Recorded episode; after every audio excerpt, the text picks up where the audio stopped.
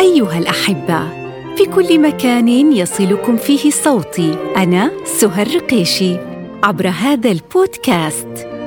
أهلا بكم من عمق الروح الباحثة في تفاصيل هذه الحياة الممتزجة بالأفكار والتجارب المتشبثة بأمل نزرعه اليوم لنحصده غداً.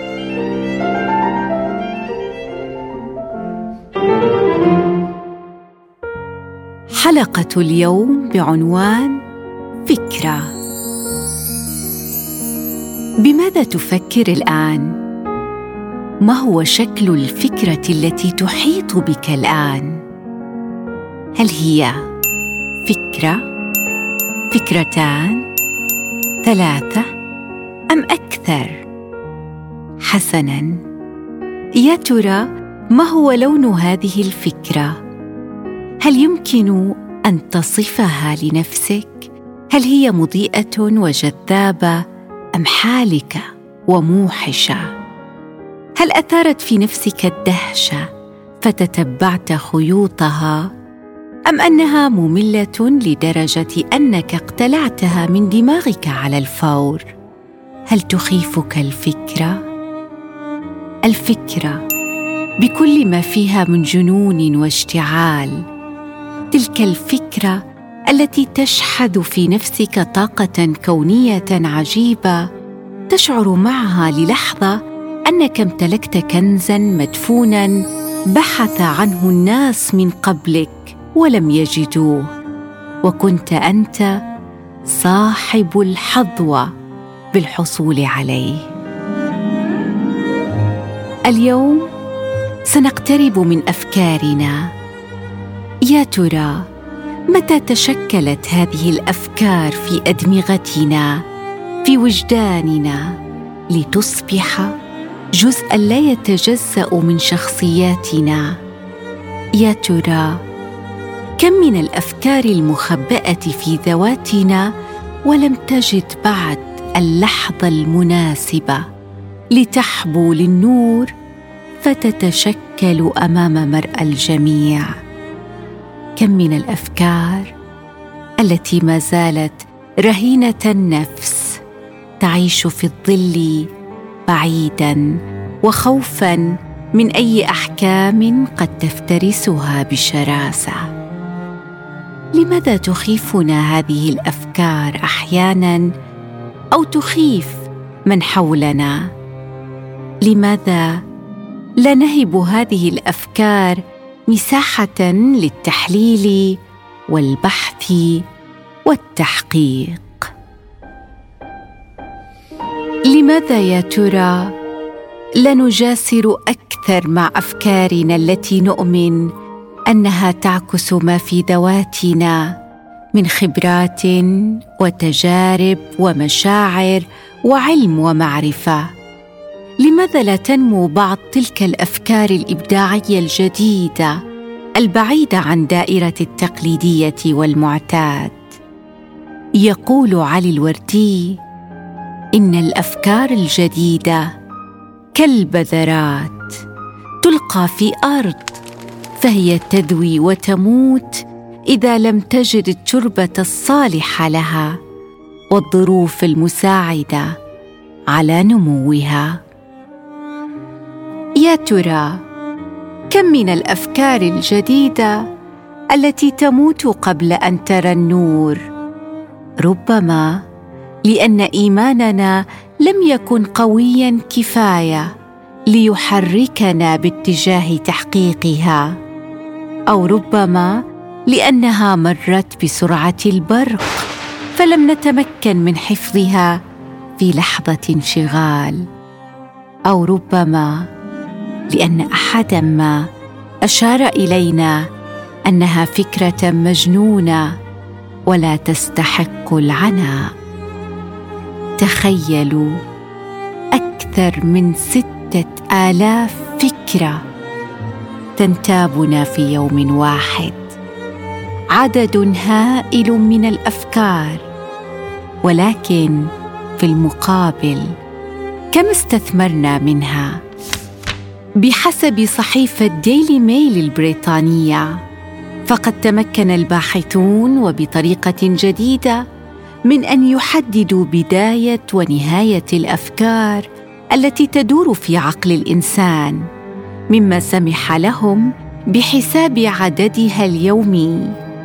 وتوصل الباحثون إلى أن الشخص العادي تنتابه نحو ستة آلاف ومئتي فكرة في اليوم وأن أغلب الأفكار تستمر لمدة عشرين ثانية فقط. وأشار الفريق أيضاً إلى أن قياس بداية ونهاية الأفكار وعددها يمكن أن يتنبأ بجوانب شخصية الفرد. قال دكتور جوردن بونيك الأستاذ في علم الأعصاب الإدراكي في كندا.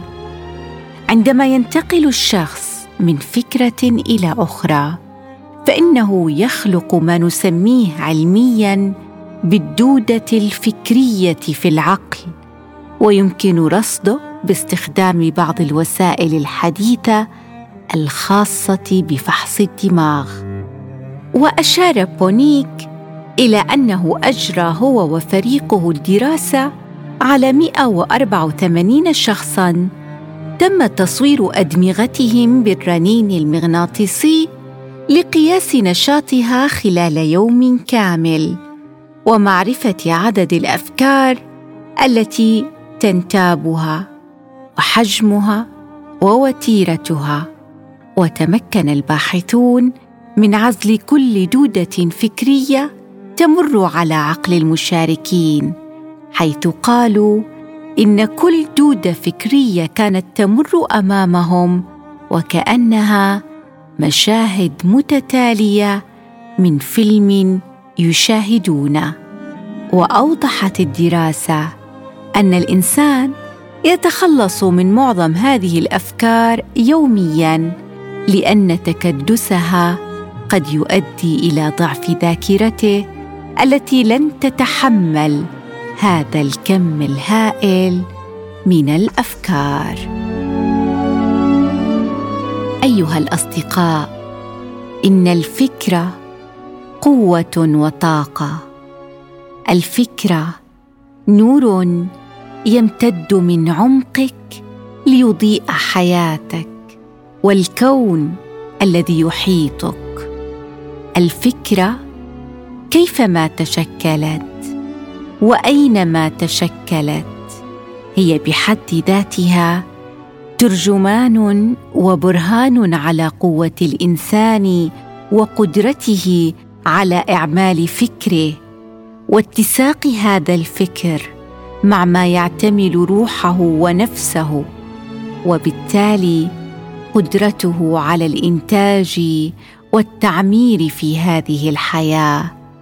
قدرته على أن يكون إنسانا سعيدا قادرا على رؤية أفكاره المضيئة حية في حياته. يقول فيكتور هوغو أقوى شيء في الكون كله أقوى من الجيوش وأقوى من القوة المجتمعة للعالم بأسره هي فكرة ان أوان خروجها إلى النور. هنالك مئات بل آلاف الأفكار التي تحيط بنا. هي ليست أفكارنا فحسب ولكنها أفكار المحيطين بنا والذين أيضا ربما يجاهدون في سبيل إخراجها للنور كما نفعل نحن تماما. ولكن قد تصبح هذه المهمة شاقة ومتعبة وتتعثر خطوات الفكرة لأنها وعلى أقل تقدير لم تجد روحا صاغية لها.